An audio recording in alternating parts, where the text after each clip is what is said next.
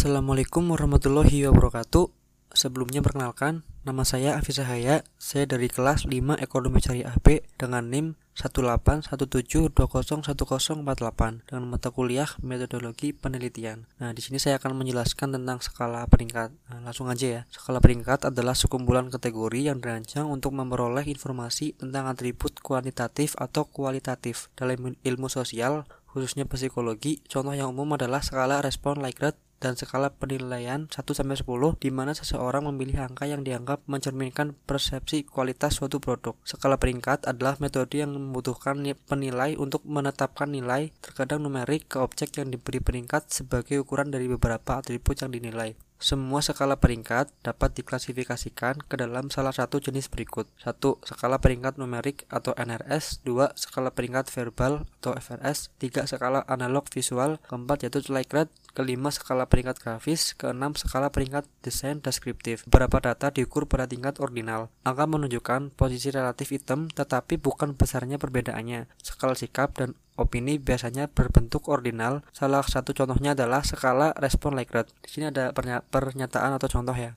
E, misalnya saya tidak bisa hidup tanpa komputer saya. Nah, di sini ada opsi respon yaitu pertama sangat tidak setuju, dua tidak setuju, tiga netral, empat setuju, dan lima sangat setuju. Nah, beberapa data diukur pada level interval. Angka menunjukkan besarnya perbedaan antar item, tapi tidak ada titik nol mutlak. Contoh yang baik adalah skala suhu Fahrenheit atau Celsius di mana perbedaan antara bilangan penting tetapi penempatan nol tidak penting. Beberapa data diukur pada tingkat rasio. Angka menunjukkan besarnya perbedaan dan ada titik nol tetap. Rasio dapat dihitung. Contohnya termasuk usaha, pendapatan, harga, biaya, pendapatan penjualan, volume, penjualan, dan pangsa pasar. Diperlukan lebih dari satu pertanyaan skala penilaian untuk mengukur sikap atau persepsi karena diperlukannya perbandingan statistik antar kategori dalam model Polytomus Res untuk kategori berurutan. Dalam hal teori tes klasik, lebih dari satu pertanyaan diperlukan untuk mendapatkan indeks reliabilitas internal seperti alpha Cronbach, yang merupakan kriteria dasar untuk menilai efek aktivitas, skala penilaian, dan lebih umum instrumen atau psikometri. E, skala penilaian digunakan secara luas secara online dalam upaya memberikan indikasi pendapat konsumen tentang produk. Contoh situs yang menggunakan skala peringkat adalah IMDb, Epinos.com, Yahoo, Movies, Amazon.com, BoardGameKick, dan TV.com yang menggunakan skala peringkat dari 0 hingga 100 untuk mendapatkan rekomendasi film yang dipersonalisasi.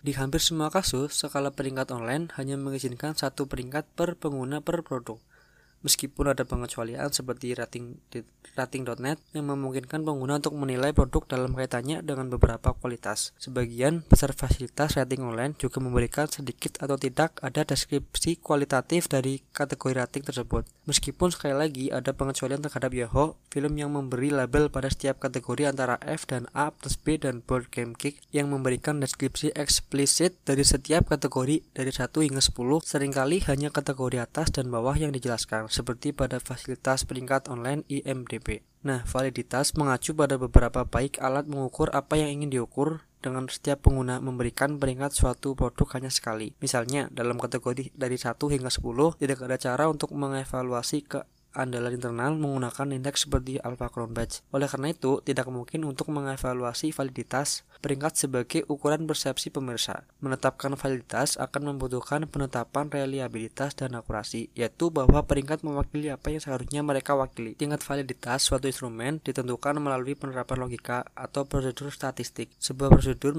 pengukuran berlaku sampai tingkat jika mengukur apa yang diusulkan untuk diukur. Masalah mendasar lainnya adalah bahwa penilaian online biasanya melibatkan pengambilan sampel secara praktis seperti polling televisi. Itu mereka hanya mewakili opini dan mereka yang cenderung mengirimkan rating. Validitas berkaitan dengan berbagai aspek proses pengukuran. Masing-masing jenis ini menggunakan logika, verifikasi statistik, atau keduanya untuk menentukan tingkat validitas dan memiliki nilai khusus dalam kondisi tertentu. Jenis validitas meliputi validitas konten, validitas prediktif, dan validitas konstruk. konstruk. Eh, yang kemudian ada pengambilan sampel. Kesalahan pengambilan sampel dapat mengarah pada hasil memiliki bias tertentu atau hanya relevan untuk sub kelompok tertentu. Pertimbangan contoh ini e, yaitu anggaplah sebuah film hanya menarik bagi penonton spesialis sampai 90% dari mereka adalah penggemar genre ini dan hanya 10% adalah orang-orang yang memiliki minat umum pada film. mengasumsikan film tersebut sangat populer di antara penonton yang menontonnya dan hanya mereka yang merasa paling kuat tentang film tersebut yang cenderung menilai film tersebut secara online. Karenanya penilai semua uh, semuanya diambil dari para pemin peminatnya.